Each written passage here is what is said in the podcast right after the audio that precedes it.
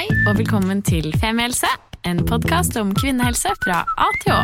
Og jeg heter Helene, Og jeg heter Sigrun. og vi har startet denne podkasten fordi vi mener at det bør snakkes mye mer om kvinnehelse. Så la oss snakke.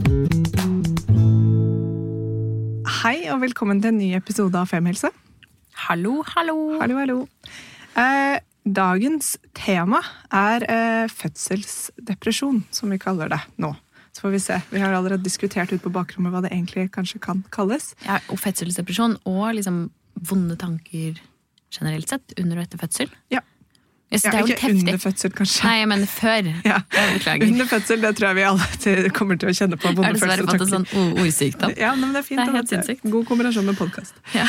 Um, men dette er også et tema jeg har hatt lyst til å uh, lage episode på lenge.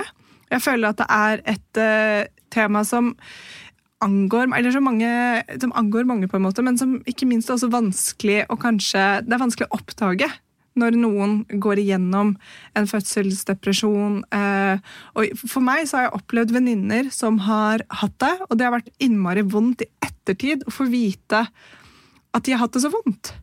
Fordi jeg har hatt store problemer med å skille mellom hva er det som er det vanlige med å få et barn, og hvor går grensen for at det er mer enn bare i hermetegn her, det å bli mamma, og hva er, hva er det normale? Å være dritsliten og sjokket og Ja, ja. ikke sant? Og hva er det som er normal frykt? Og når er det det tipper over til at jeg burde gjort noe? Og hva burde jeg gjort? Og disse tingene kan jeg ikke svare på, men jeg føler et veldig sånn sterkt personlig engasjement og er veldig glad for at jeg nå får hjelp via min egen podkast til å svare på disse spørsmålene. Så alt er jo egoistisk motivert. Ja, ja, 100% Vi tar bare ting vi gjerne vil vite mer om. Um, men vi har heldigvis med oss to eksperter eh, som sitter nå på hver vår side her i dag. Og vi kan jo da ønske velkommen til psykologspesialist Gro Vatne Breen? Breen? Breen.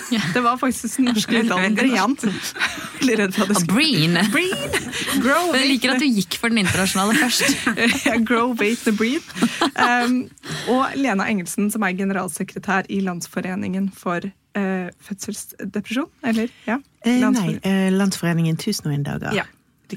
ja, takk. Um, Gro, kan ikke du introdusere deg selv? Hva gjør du til vanlig? Til vanlig så Jeg har to arbeidsplasser. På det ene stedet så arbeider jeg terapeutisk med kvinner og menn som strever i forbindelse med, med fødsel. Fødselsdepresjon, fødselsangst, fødselsfrykt, vonde tanker og andre utfordringer.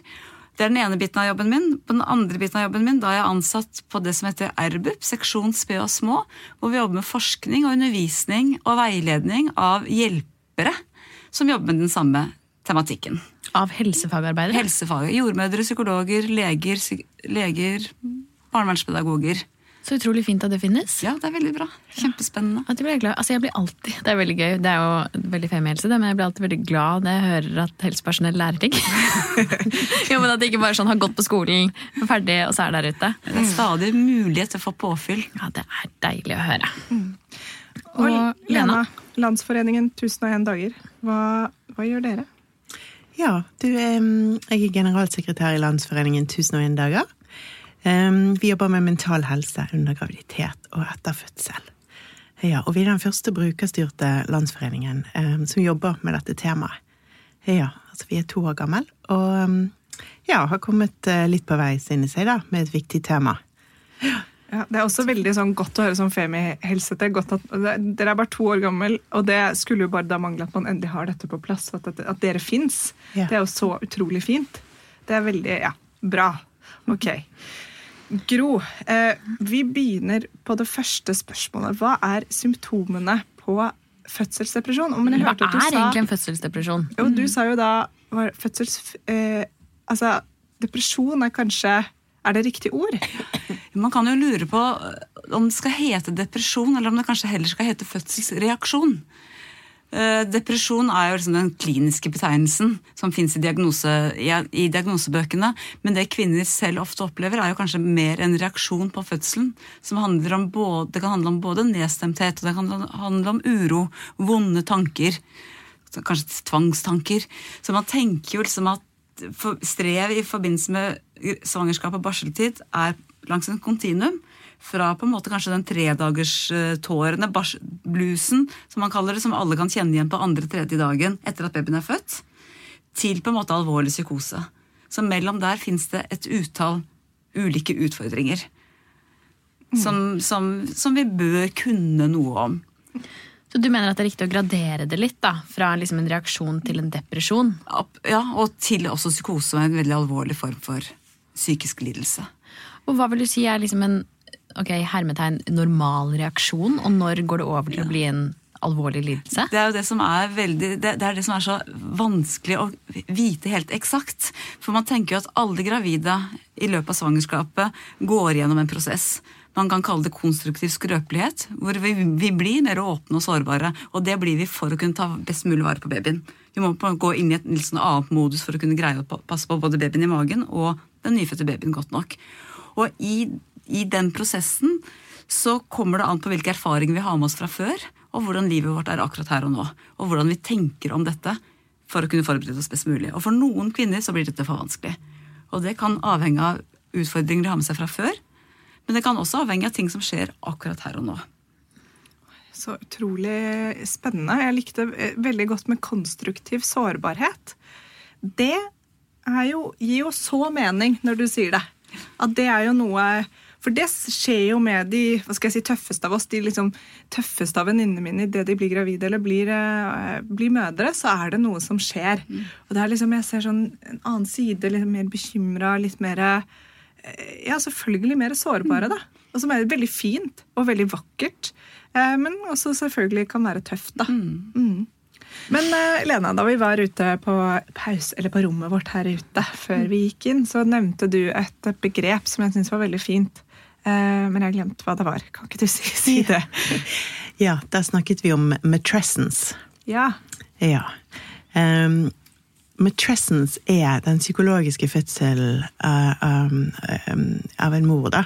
Som involverer masse hormoner, og man kommer ut på andre siden og har en helt ny identitet. Um, for det er jo sånn at når et barn blir født, så blir også en mor og en far født, og en ny familie født.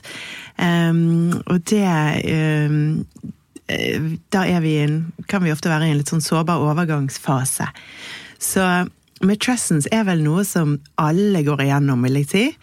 Um, og da kan det være tungt, men det er ikke psykisk sykdom. Sant? Kanskje vi trenger litt støtte, kanskje vi trenger noen å snakke med og en god klem og litt forskjellige ting. Men vi ser fremdeles lyst på, på, Vi gleder oss til ting, vi ser lyst på livet, og vi gleder oss over den nye situasjonen, men det er tungt. Okay. Og det, det kan gå um, um, Det er annerledes. Det må vi skille bort fra psykisk sykdom, for da trenger man helsepersonell.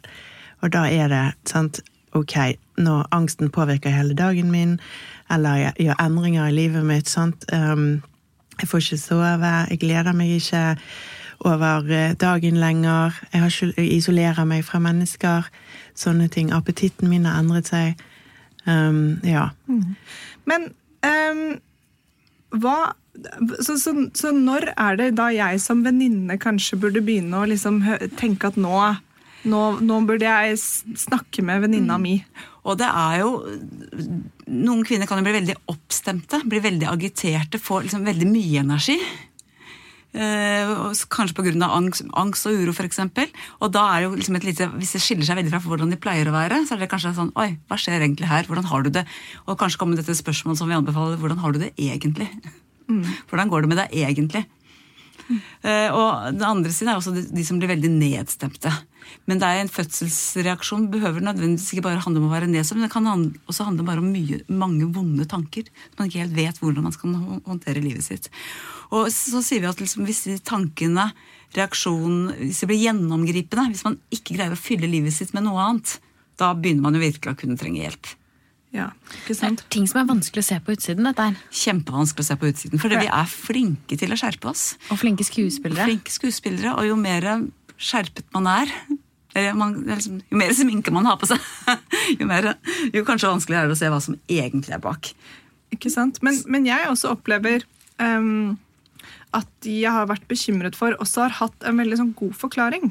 Sånn, men det er skummelt, eller det er farlig, eller jeg sover ingenting, eller uh, dette og dette og dette. Sånn mm. at jeg sitter som, I hvert fall fordi jeg ikke har hatt barn selv, så blir jeg helt sånn ja, det skjønner jeg at det er veldig skummelt. og ja, nei, Da er det vel sånn det er å få barn, da. Eller da er det sånn det er for deg å være mamma. Og, og så blir det vanskelig, syns jeg, da, nå, nå problematiserer jeg det, men, men det er i hvert fall sånn jeg har opplevd litt, at det blir litt vanskelig å, å liksom argumentere mot. Eller, eh, og det skal man kanskje ikke gjøre, men hva, hva kan man gjøre da? Hva, ja. Og jeg tenker nå, det, du, det du sa var i forhold til med søvn, f.eks. Mm. Det å ikke sove kan jo for noen kvinner være veldig sårbart. Og der er vi også veldig forskjellige i forhold til hvor mye vi tåler av lite søvn. Men det å tilby avlastning Trenger du faktisk tilby, tilby skal, jeg komme, skal jeg være sammen med babyen litt mens du får sove? Mm. Veldig, veldig konkret. Uh, og, og, og igjen så kommer jeg tilbake til det spørsmålet hvordan har du det egentlig? At du viser at du er bekymret. Tørre å si at du er bekymret. Og så må, liksom, er det så forskjellige symptomer, så liksom den enkelte må selv fortelle hva hun, hva hun strever med. Hva ser du oftest i, i behandlingsrommet hos deg, da? Og det er så forskjellig, men det er mye, jeg opplever at mange kvinner kommer med mye dårlig samvittighet, skyld og skam. Fordi de kjenner på at de kanskje ikke egentlig greier å være så lykkelige som det de burde være.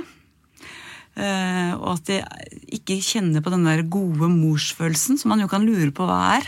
Men at man har en idé om at sånn umiddelbart når man ser babyen, så skal man liksom bare blomstre over av kjærlighet. Og så er man kanskje så sliten og trøtt og forvirret at man ikke kjenner helt på det. Eh, sånn at eh, så, så både, både skyld og skam og manglende glede og mye, mye mye angst og uro. Redd for ikke å være flinke nok, redd for ikke strekke til. Redd for at det, det, det de tenker og det de føler, på en måte skader babyen. Er til skade for babyen. Og for noen kan jo dette allerede begynne under graviditeten. Ganske mange kan begynne å streve allerede under graviditeten. Jeg kan jo se for meg at det er sikkert veldig mange som ikke har lyst til å være syke. At man også liksom, Både det å oppdage at man er syke, men også i å, å komme til behandling. At man jeg kan se for meg, hvis det hadde vært meg i hvert fall, at jeg hadde jobbet hardt for å liksom ikke være syk. Og at det bare, nettopp bruke da unnskyldninger som at jeg har sovet lite, og liksom rasjonalisere hele tiden. For grunner til at man føler seg nede.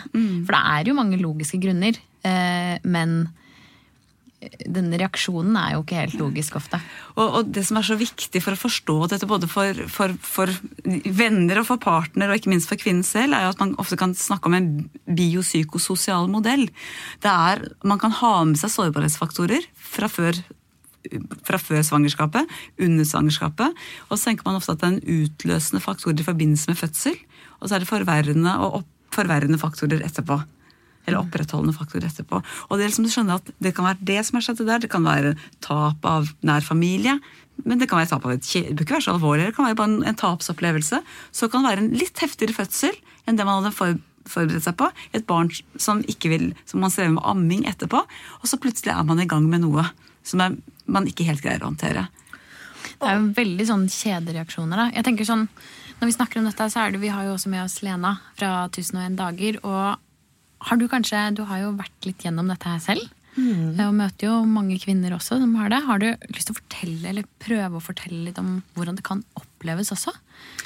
Ja, det er Kan vi bare touche litt på det du sa, sant? at venninnene dine ikke fortalte det um, når de sto oppi det. Og det, det òg kjente jeg veldig på. At det satt utrolig langt inne å gå til mine nærmeste og fortelle um, hvordan jeg hadde det. Så um, det som um, Jeg var jo i utlandet, i Australia, når jeg var syk, og da, det som jeg gjorde da, var å ringe til en hjelpetelefon. Og det synes jeg var utrolig um, det var utrolig godt å få høre de ordene. sant? Det er ikke, 'Dette er ikke din feil, og dette er ganske vanlig'. Og um, det, det vil gå over. Det er midlertidig. Og det, bare de ordene bare fikk meg til å roe meg og høre det. Og så var det noen som jeg ikke kjente, og da for meg var det lettere å åpne meg. Um, så ja, For det er jo ikke tror- en personlig ting, men det Ja, nei, for Ja. jeg tror mine venninner, eller de som har vært gjennom det, de skjønte ikke det. At de selv var deprimerte før de kanskje fikk det påvist etterpå. Og da eh, reflekterer man tilbake og tenker herregud, det skulle vi jo sett, vi også. Når de kom og sa du, nå, nå har jordmor sett det, eller fastlegen min sier at det, det jeg har gått gjennom de siste seks månedene, er mer enn at jeg på en måte i hermetegn bare har vært sliten og stressa. Og da, så, det er ikke, så det er ikke bare det, tror jeg, at for dem så handlet det ikke bare om at ikke de ville, okay. men de bare kanskje ikke helt kunne heller, eller liksom forsto det helt, da. Men Nei, Du skjønte det er jo, du selv, ja, ja. så hvis vi, hvis vi nyanserer fordi det, det, akkurat det skjedde med meg òg. Jeg hadde ingen idé Mm. om at, eh, hva som skjedde med meg. Sant? Jeg hadde jo ingen kunnskap om, om psykisk helse. Jeg visste ikke at vi var ekstra sårbare i denne tiden. Sant? Vi flyttet jo til utlandet når jeg var høygravid, og svigermor var syk og gikk bort. Og, så det var en veldig tøff tid for oss. Sant? Og hvis jeg ser tilbake, så hadde jeg Jeg er usikker på om jeg hadde handlet sånn hvis jeg hadde den kunnskapen som jeg har i dag. Um, fordi at sant, det, be, det begynte jo med søvn. Sant? Akkurat, Søvn er jo så viktig. Det er et rødt flagg sant? når man ikke klarer å få sove eller våkner ofte eller våkner tidlig. Eller man, det er en eller annen sånn uro inni kroppen, sant? Og, og tankene mine raste veldig, veldig fort. Um, og det blir man veldig sliten av. Um, så det var, det, det var jo begynnelsen på angsten, vil jeg si. Og så ble jeg redd. sant? Fikk jeg sånne tanker i hodet om at, at min datter skulle ligge ute på svømmetur og, sant? uten armringer eller et eller annet. Jeg fikk fryktelige tanker og bilder i hodet som skremte meg enda mer. ikke sant? Og, eh, og til slutt så, så var jeg så sliten at eh, ja, da da, ja, da ble jeg innlagt på sykehuset, da, fordi at det var en uke over tiden. Eh, Så fikk jeg lov å ligge der en dag, og så fikk jeg prate med en nydelig jordmor. Jeg fikk gråte, jeg fikk hvile, jeg fikk litt valium. Og da begynte fødselen, og den var fantastisk. Helt nydelig. Og så fikk jeg troen igjen, da, at nå skal jeg komme meg, for jeg var på sykehus og fikk hvile i fem dager. Eh, Og det var utrolig deilig. Men så når jeg kom ut, da, så merket jeg at, eh, at noen av disse tingene kom tilbake. Sant? Og igjen, hvis jeg hadde visst dette med søvnløshet og rasende tanker og alle disse bildene i hodene, så hadde jeg kanskje løpt til legen med en gang. Men det tok faktisk fire måneder. Så du begynte å kjenne på dette før fødsel? I graviditeten. I graviditeten, ja. Veldig mange gjør det. første barn. Var dette første barnet? Nei, det var mitt andre barn, min Ja. første depresjon. Ja. Ja. Ikke sant? Så det kan også skje andre gang. Eh, selv om du har ikke opplevd det før første graviditet, så kan det skje det andre. Mm. Og motsatt. Mm, og motsatt. ja. Veldig viktig å få den med. At man ja, kan slippe unna andre gangen. Mm. Så det er ikke noe genetisk? Det, det fins ulike forklaringer. Det er, og det er ulikt for den enkelte kvinne. Noen kan ha med seg en genetisk sårbarhet. Og så er det ulike ting i livet som gjør at det på en måte utløses. For det er jo Man lurer jo litt på om noen kvinner er mer sårbare for hormonelle endringer enn andre. Ja, for hvor mye av dette er hormonelt? Det er jo høna eller egget. Eller sånn hormoner og hormoner, hjerne, utvikling. Alt henger jo veldig veldig tett sammen. Så vi vet jo nå at hormonnivået endrer seg hos kvinner, men også hos menn som lever tett sammen med sin gravide kvinne. Ja. Eh, Og dette er jo hormoner som man egentlig trenger for på en måte å greie å ta vare på ja, dette er oksytocin, for eksempel, og som setter i gang melkeproduksjonen. Men for noen blir liksom den hormonboosten for sårbar. Og så vet man også at det skjer nefrologiske eller strukturelle endringer i hjernen som viser at man på en måte blir litt mer åpen og litt mer følsom, og tå, mister liksom, liksom den garden, forsvaret, man pleier å ha. Så det er liksom veldig mye biologi. Men så kommer det an på hva som er Den biologien man har med seg, blir jo møtt av den psykologien vi har med oss. og da blir det jo Og i tillegg til da Sårbart. Andre faktorer, da, som eksempel, altså, som dere begge nevner, altså sykdom i nær familie og store livsendringer. livsendringer, og, økonomi ja, og søvn. Altså sånn Og det man også vet som er en, sånn stor, en, en stor faktor, det er jo avstand til egen familie. Sånn type å bo i utlandet uten, uten, med lang avstand til egen familie er en risikofaktor for å utløse fødselsdepresjon. For, Som en, Jeg har tenkt jo- eh, så mye på det. Da jeg var tre måneder, så flyttet vi til eh, Beijing. Eh, med bare sånn alt i en container som kom seks måneder senere. og hadde ikke bleier, hadde ingenting. Og pappa var eh, korrespondent for eh, Aftenposten der borte, og mamma alene der. Altså, Da jeg var liten, så var dette 100 naturlig for meg. Etter at venninnene mine begynte å få barn, tenkte jeg Jesus, hva er det dere har holdt på med? Det? Det var risikosport alene til Beijing i 1985, liksom. Det var heftig. Men jeg tror jeg skal, nå, skal jeg hjem, nå skal jeg hjem og ringe mamma etterpå. Høre og hvordan- det hvordan gikk det faktisk egentlig? gikk. Ja, hvordan hadde hun det egentlig? Det skal jeg faktisk si. Jeg blir sikkert glad for at noen spør om nå. Endelig. Ja, faktisk. Det er sikkert ingen som har spurt henne om det. Nei, shit. Nei. Men um, jeg bare, det er jo spørsmål som har kommet inn fra flere lyttere, er jo nettopp det liksom sånn Er det noen som er mer disponert enn andre? Og eh, er det noe man eventuelt liksom kan gjøre selv for å unngå det? Og jeg tenker jo at vi, vi vet ikke hvem som er mer disponert for den andre. Vi vet om risikofaktorer, som er tidligere psykisk, tidligere psykisk lidelse f.eks. Tidligere depresjon, eh, tidligere depresjon eh, opplevd tap, sorg og tap. eh, eh, fravær av nær familie. Ulike vonde barndomsopplevelser kan jo også gjøre at man er mer disponert. Men man kan også få en depresjon uten at man har med seg noe av dette.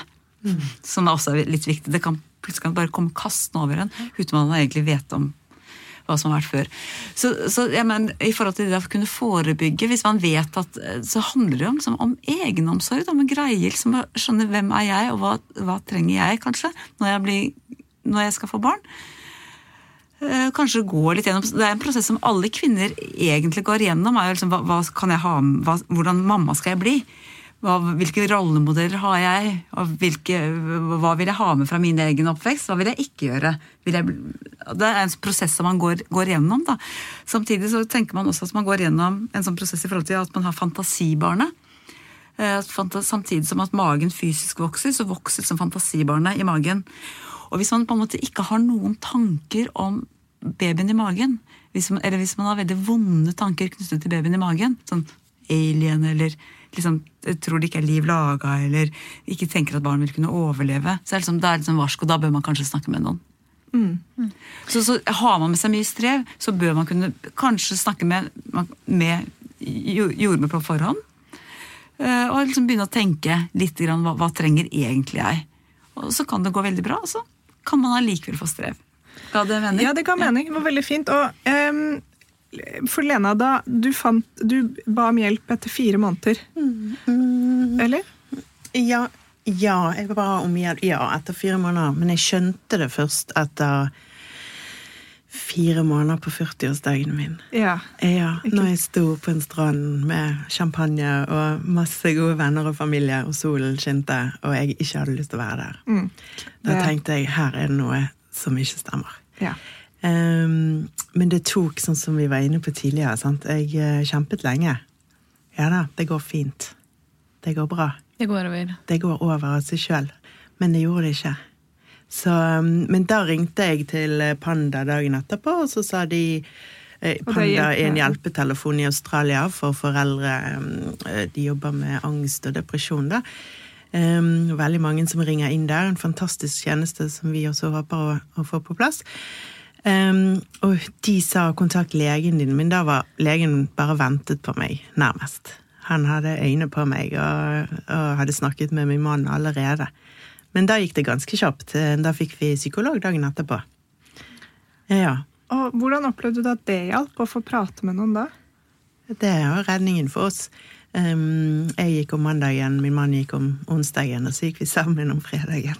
Å, ja, så fint. Ja, og da fikk vi Ja, vi fikk jo løst de store. Mm, de fem store, eller jeg vet ikke hvor mange store vi hadde. Men eh, ja, vi pleier å spøke med at vi ikke har så mange problemer igjen.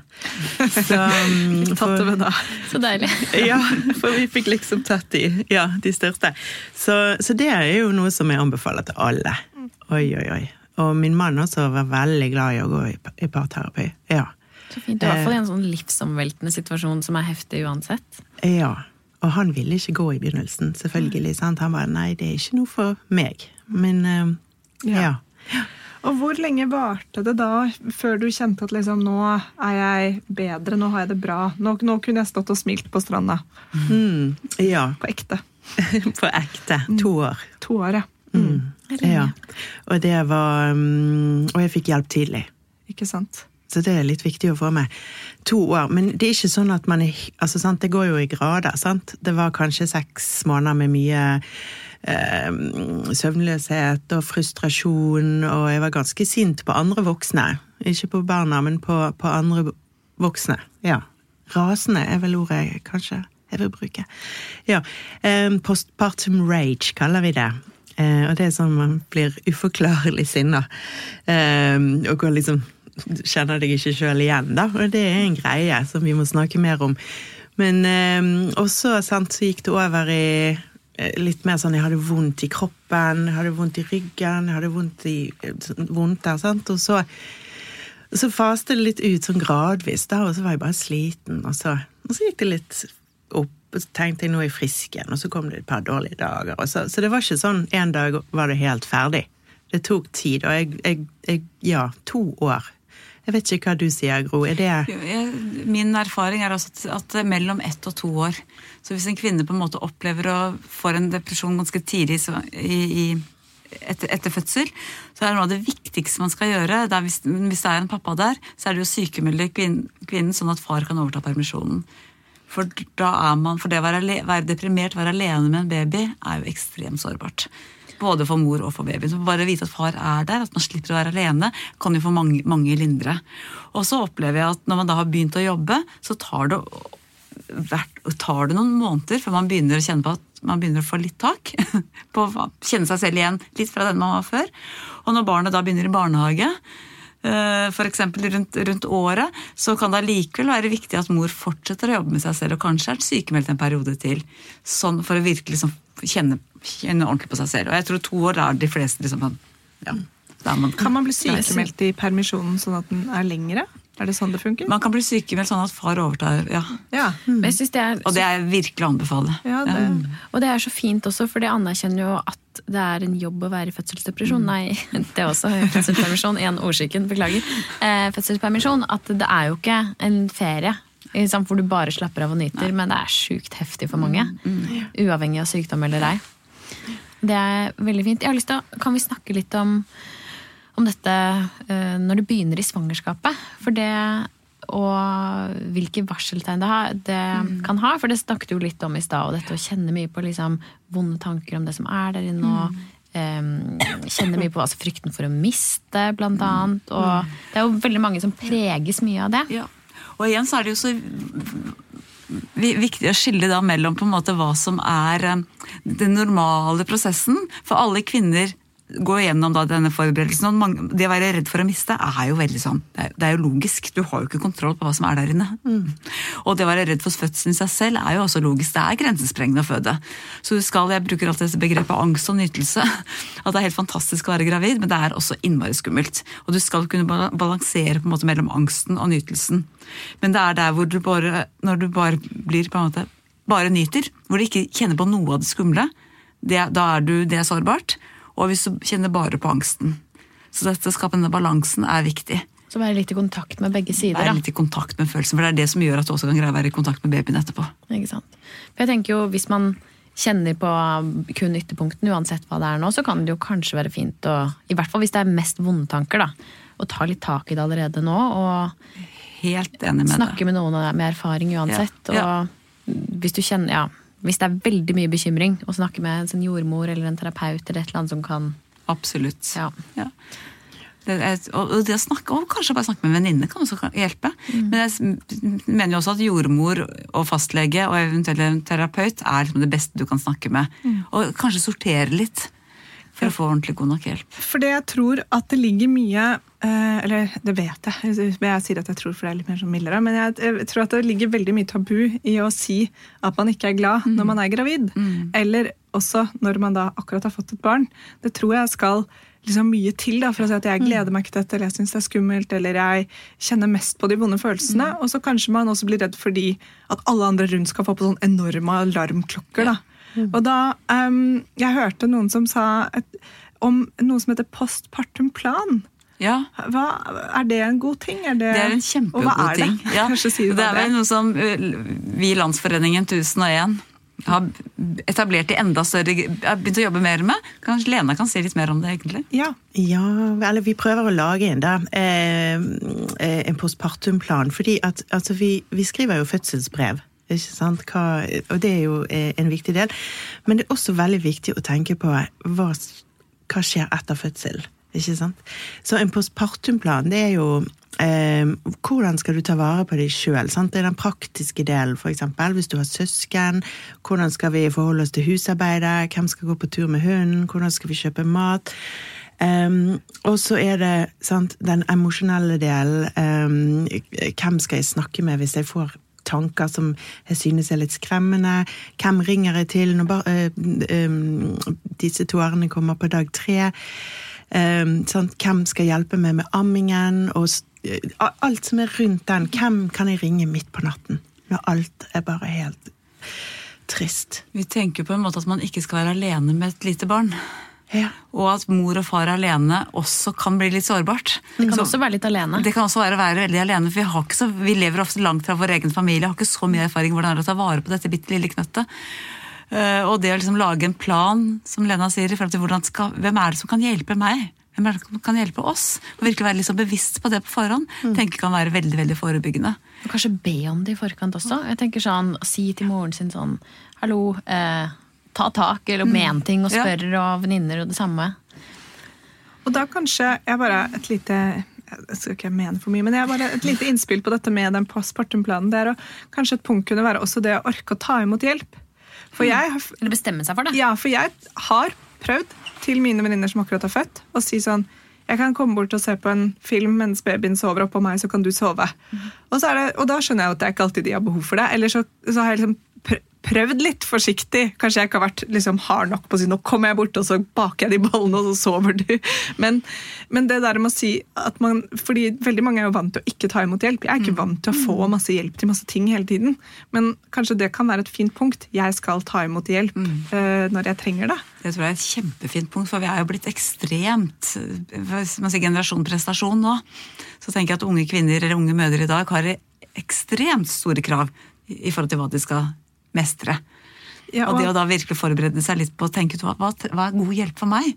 Og hvordan kan jeg ta imot denne hjelpen? Det er kjempe Og det er jo ikke da, ikke det er jo kanskje den største gleden for meg da, hadde vært hvis jeg kunne vært hjemme hos noen og hjulpet dem rett etter at de hadde fått baby. Herregud, så hyggelig. Jeg hadde nesten følt at jeg skilte dem en tjeneste etter at jeg får lov til å gjøre dem en tjeneste. Og jeg jobber med veldig veldig mange kvinner hvor jeg virkelig må si det. Du må spørre om hjelp. Det er, det er så helt sikkert noen rundt deg som kan tenke seg å ta vare på denne lille babyen bare litt. Grann. Og så syns det er hyggelig å trille en tur, eller bare være der litt, eller Men vi er, vi er jo inne på noe veldig viktig nå, og det er vanskelig å spørre om hjelp. For hva må du gjøre? Liksom, du må tørre å vise deg sårbar. Ikke sant? Du må tørre å vise deg fra i, i pysjen med uvasket hår og kanskje tårer, og kjøkkenet ser ikke ut. Det er ikke alle som helt klarer å å strekke seg til det pointet. da.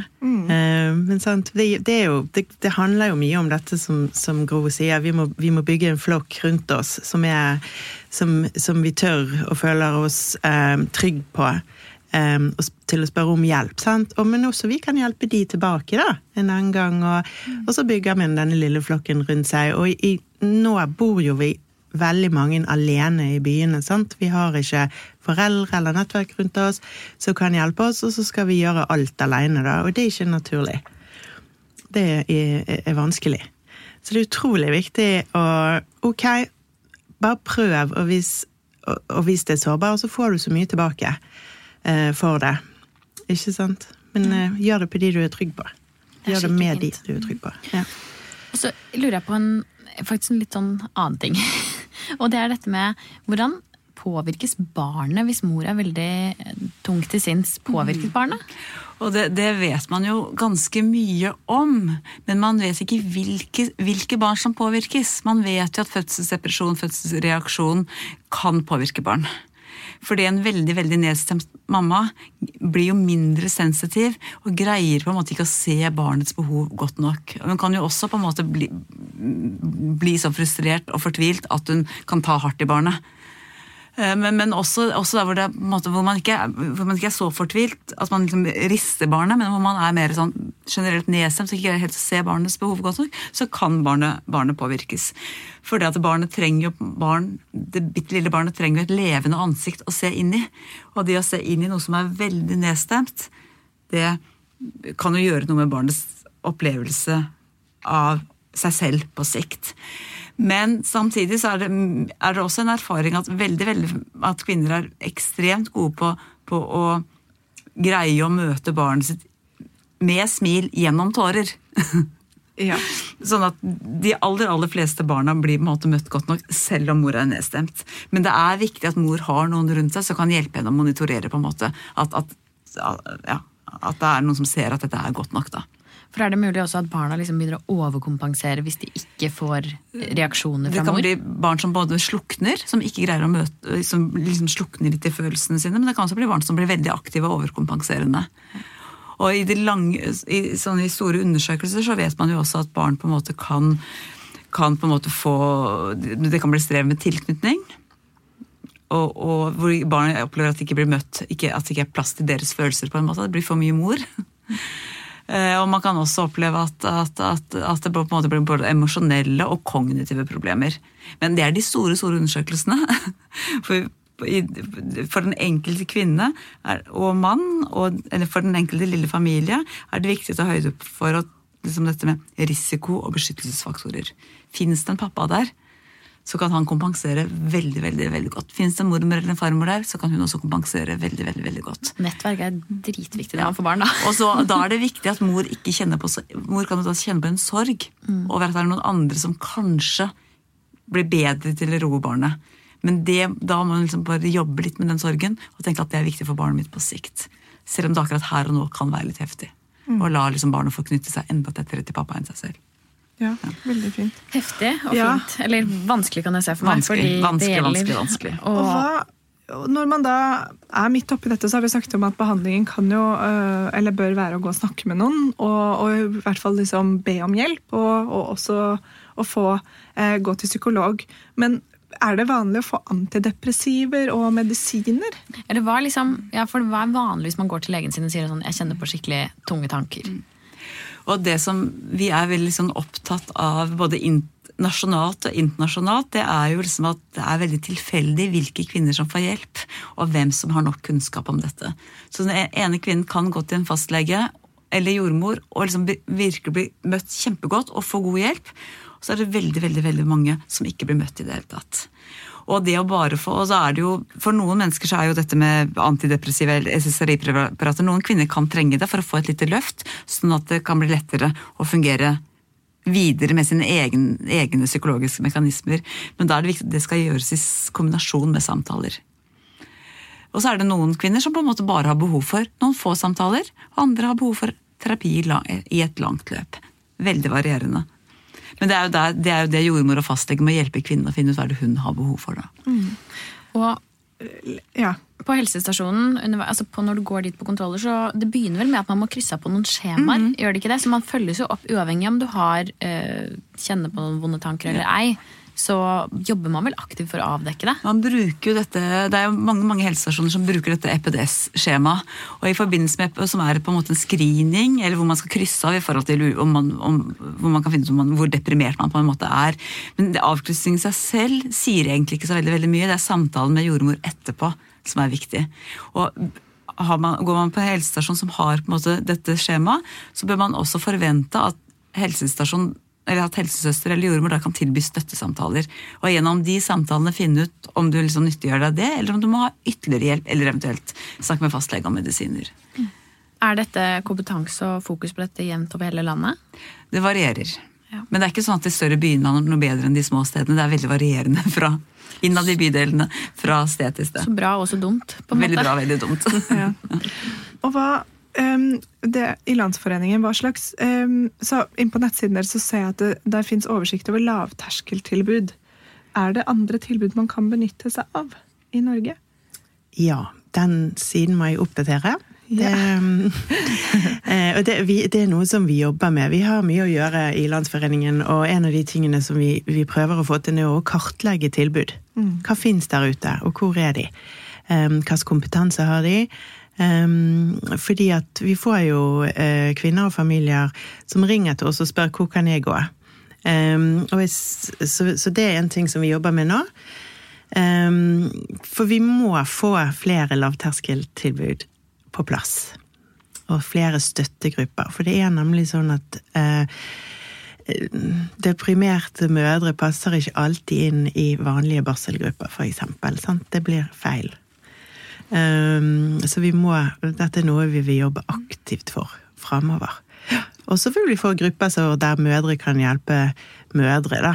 Um, så vi prøver å få inn nye tiltak på alle nivåer. Fra, fra forebygging til, til um, Mother and Baby Unit, som er en drøm som vi har der uh, for de som har veldig uh, heftige problemer. Det Mm. høres veldig fint ut. Jeg så, minner litt om jeg så en dokumentar med er det Charlie Theroux? Hvordan er det man uttaler det? Louis. Louis, ikke sant. Eh, han var vel nettopp på besøk på det i England. Eh, på et sted hvor mødre kunne bo med barna sine. Hvor som var veldig, Mm. veldig plaget av depresjon og psykoser. Ja. Og det så jo ekstremt viktig ut. Altså sånn som de Mødrene hadde utrolig behov for det. Ja, det er så heftig. sant? Tapre mødre. altså det er jo eh, Det vi vet, er jo at når dette skjer, så er det lurt at barna får bli med mor. Ikke sant? Og det får vi ikke Jeg har ikke oversikt over hele Norge, men så vidt jeg vet, så, så får ikke vi det her. Um, Så vi, vi drar faktisk nedover der til den klinikken i desember. Så fint. Ja, for å lære mer og høre um, om hvordan de har bygget det opp osv. Håper vi kan ta med noe kunnskap hjem. Så bra. Og det er viktig å påpeke da, for den enkelte kvinne eller, eller, og hennes partner som strever, så er det et eller annet med at jordmor, fastlege Så fins det noen steder hvor det er kommunepsykolog. Så finnes det også noen steder eh, hvor det er sped- og småbarnsteam som tar imot, som kan jobbe med både svangerskap og nybakte mødre og barna.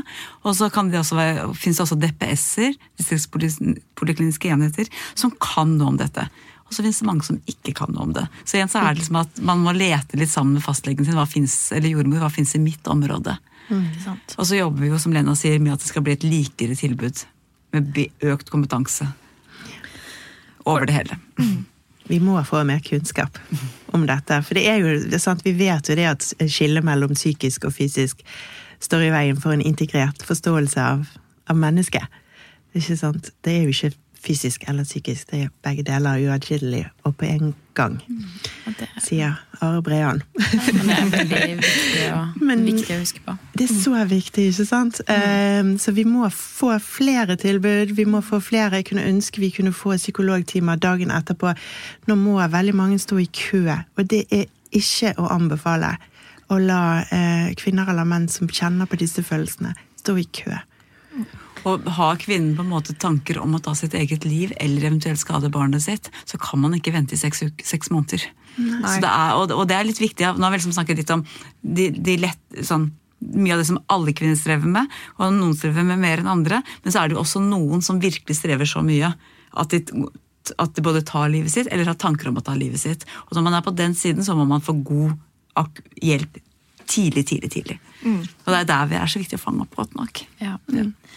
Eh, Fins det noen tall på hvor mange som rammes av disse, altså fødselsdepresjon? Eller Man tenker vel mellom 10 og 15 prosent av norske kvinner, norske kvinner får fødselsdepresjon. Og det er ganske, sånn, ganske jevnt over Det er såpass, ja. i, i alle land. da.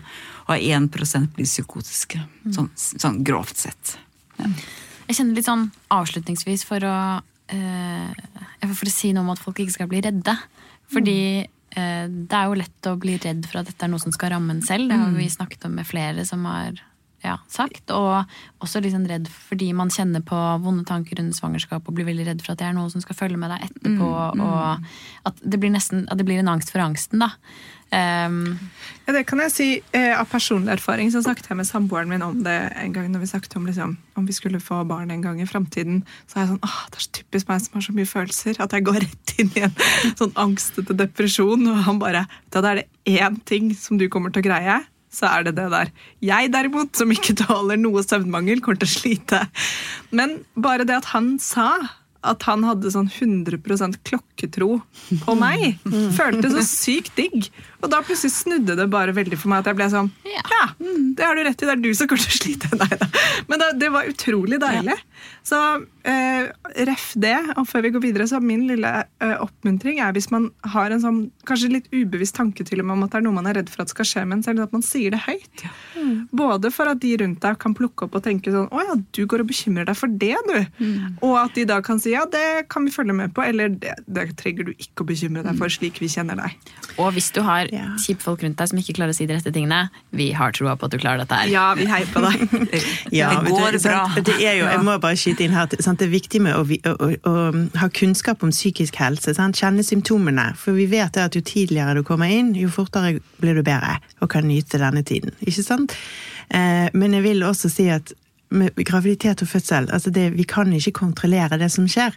Og jeg har jo snakket med mange kvinner som har hatt eh, traumatiske fødsler som har kjent på følelser etterpå, som eh, posttraumatic stress og sånne ting. Sant? Det er jo ikke noe de har valgt. Ehm, så ehm, ja. For å si det sånn Etter man kommer ut av dette, hvis det skulle skje, få hjelp tidlig. For veldig mange så går det kjempefint. Kjempefint, Husk på det. sant? Men nå er vi her og snakker om de som det ikke går fint Ja. Så ehm, eh, få hjelp tidlig, og så vit det at når du kommer ut på andre siden, så er det veldig veldig mange som rapporterer at de står sterkere som kvinne. Og står sterkere som menneske. Og det syns jeg er fint. Um, men husk, ja. Veldig mange går det kjempefint med. Ja. Sant?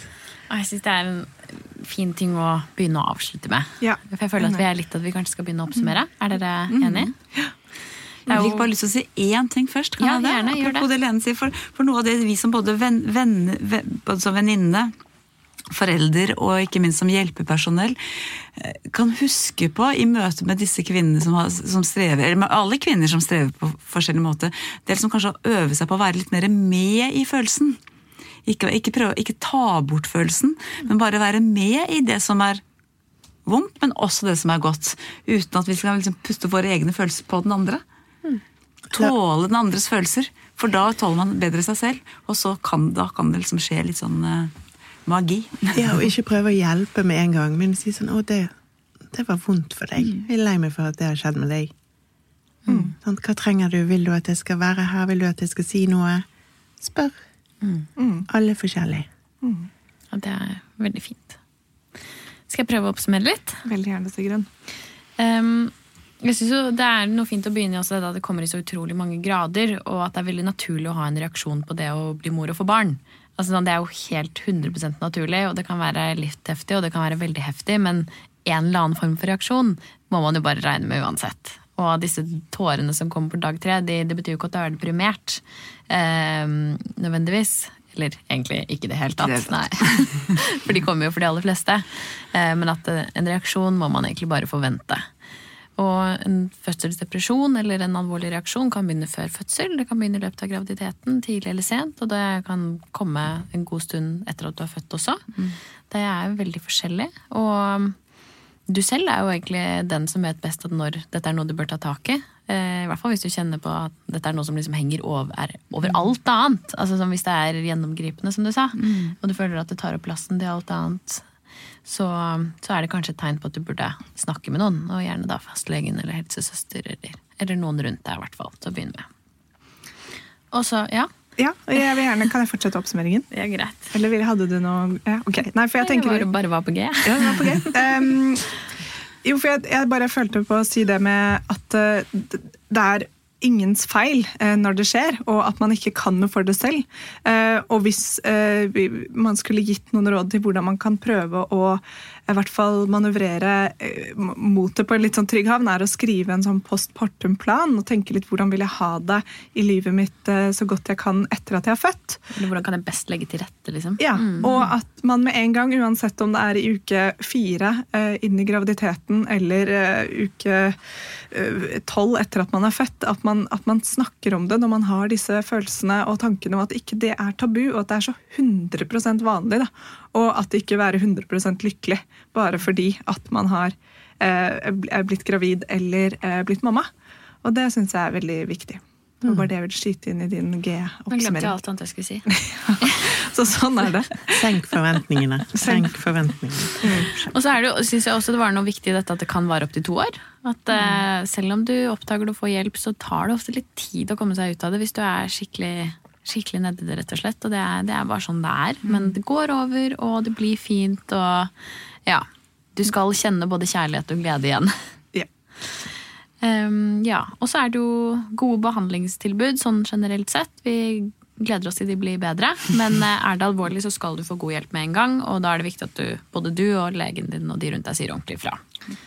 Og egentlig et siste spørsmål. Hvorfor heter det Landsforeningen 1001 dager? Mm, godt spørsmål. For nå skulle jeg si, Og så må dere sjekke ut Landsforeningen 1001 dager hvis dere har eh, noe dere vil lure på der. Men hvorfor heter det det? Ja, jeg er veldig glad for at du spurte om det, fordi at det er 1001 dager fra befruktning til barnet er to år. Ah, ok, Så det regn 1001 dager, sett et kryss på hver dag, og da Er det ut av det? Ja, da er du utdannet. Håper at du ikke er på, på G med barn nummer to da, da. Det blir 2002 dager. 2000, så er vi 3003, da.